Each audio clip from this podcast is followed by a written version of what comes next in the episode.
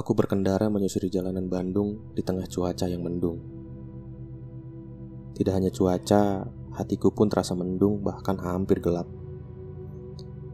Baru saja kemarin aku makan siang bersama ayah dengan seporsi nasi padang dan ayam bakar. Tidak biasanya ayah mengajakku makan bersama setelah hampir satu tahun dia mengurung diri di ruang kerjanya. Ketika itu, hatiku campur aduk antara kaget dan senang. Namun semuanya berubah ketika pagi tadi dia memintaku untuk berkumpul bersama ibu dan adik di ruang tengah. Suasana sangat hening. Suara detik jam dinding terasa nyaring. Firasatku merasakan ada sesuatu yang mengintimidasi. Ayah meminta kami untuk duduk. Dia menunduk dengan mengepalkan tangan. Terlihat ada percikan air menetes ke arah tangannya yang sedang mengepal. Satu tetes, dua tetes, Kulihat wajahnya berlinang air mata yang berusaha ia tahan, namun tak terbendung. Aku bertanya, "Ada apa, Ayah?" Lalu dia menjawab, "Maaf, Ayah telah berselingkuh." Tubuhku membeku, tulangku terasa lemas. Seisi rumah duduk dengan tertunduk. Apakah ini yang dinamakan neraka?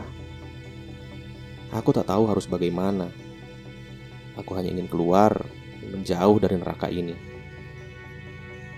Rasanya hatiku perih seperti tertusuk duri. Sampai tulang belakangku terasa nyeri. Tak pernah aku rasakan sesakit ini. Lebih baik aku pergi menemui Gina. Dia pasti bisa mengisi kembali serpihan hatiku yang telah hancur berkeping-keping dengan cerita-cerita lucunya. Apakah Bandung sedang mendung? Atau memang suasana hatiku saja yang terasa sangat gelap? Aku mulai memasuki kawasan komplek pegunungan yang cukup luas. Kulihat Gina sudah berdiri di teras rumahnya. Dia melambaikan tangan sambil tersenyum. Aku bergegas memarkirkan motorku. Hai, sudah lama kita tidak bertemu, sapa Gina. Ya, kebetulan sedang tidak sibuk, jawabku. Padahal aku hanya sedang membutuhkan seseorang yang dapat setidaknya menutupi rasa luka yang dalam ini. Walaupun hanya setetes betadin tidak masalah. Yang jelas aku tidak mau rasa sakit ini menjadi infeksi yang nantinya membuat organ dalam tubuhku tidak menginginkan untuk hidup lagi. Kami bermain ke sungai pegunungan, memandangi air terjun tanpa kata. Hanya senyuman yang aku lihat dari wajahnya. Hatiku sedikit tenang. Hariku terasa sedikit membaik. Lalu dia menoleh ke arahku dengan membawa senyuman yang sebelumnya dia berikan kepada semesta yang mengirimkan kami air terjun yang indah. Lima detik aku memandang wajahnya, lalu aku kembali berpaling ke arah air terjun. Ada yang berbeda dengan senyumannya. Terasa tulus, pasrah, seakan menggambarkan sesuatu yang indah di diselimuti awan gelap sehingga membuat hati kecilku berkata, Kau juga sedang sedih ya? Tapak demi tapak, kami lewati beberapa anak tangga untuk beranjak makan malam. Aku gending motorku dari sempitnya kerumunan parkiran motor. Belum aku nyalakan, dia menepuk pundakku sambil berkata, Saatnya kamu yang jadi penumpang, biar aku aja yang bawa. Ya apa boleh buat. Aku membiarkan dia membawa motorku menuju ke tempat makan soto pinggiran favoritnya di dekat UPI. Dia memang wanita yang mandiri, penuh dengan energi, oleh karena itu, aku percayakan rasa pedihku untuk dia selimuti. Kami beranjak duduk dan memesan, seperti biasa. Gina selalu akrab dengan orang-orang di sekitarnya. Tukang soto meletakkan satu piring nasi dan satu mangkuk soto dengan porsi ekstra.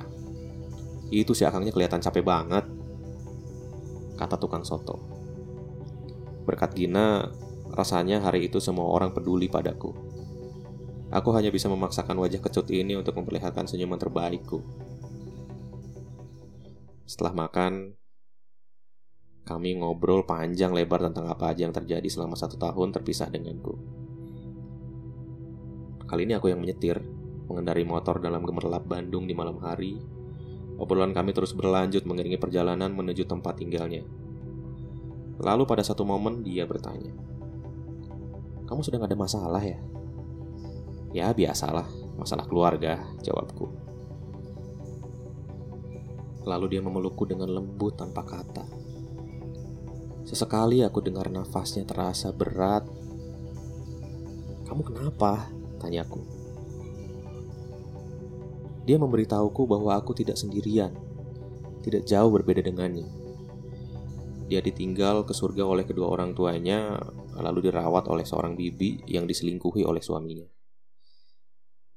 Dia bercerita betapa pedihnya tidak memiliki kedua orang tua dan diurus oleh satu keluarga yang akan bercerai. Tangisnya semakin deras sampai dia sulit untuk berkata. Pundaku dipenuhi oleh air matanya. Perasaanku campur aduk. Apa yang harus aku lakukan? Ini di luar ekspektasiku. Tak biasanya dia terlihat sedih apalagi sesedih ini. Aku hanya diam tanpa kata sampai motor ini berhasil membawa kami menepi tepat di depan tempat tinggalnya. Dia tidak beranjak turun dan masih menundukkan kepala sambil menghapus air matanya. Maaf, pundakmu jadi basah. Aku beranjak turun dari motor lalu mengusap kepalanya dan mengatakan kalimat asal-asalan yang secara spontan terlontar dari mulutku. Tak apa. Setidaknya kalau kita masuk surga, ada bahan obrolan. Dan entah kenapa itu membuatku merasa lebih baik.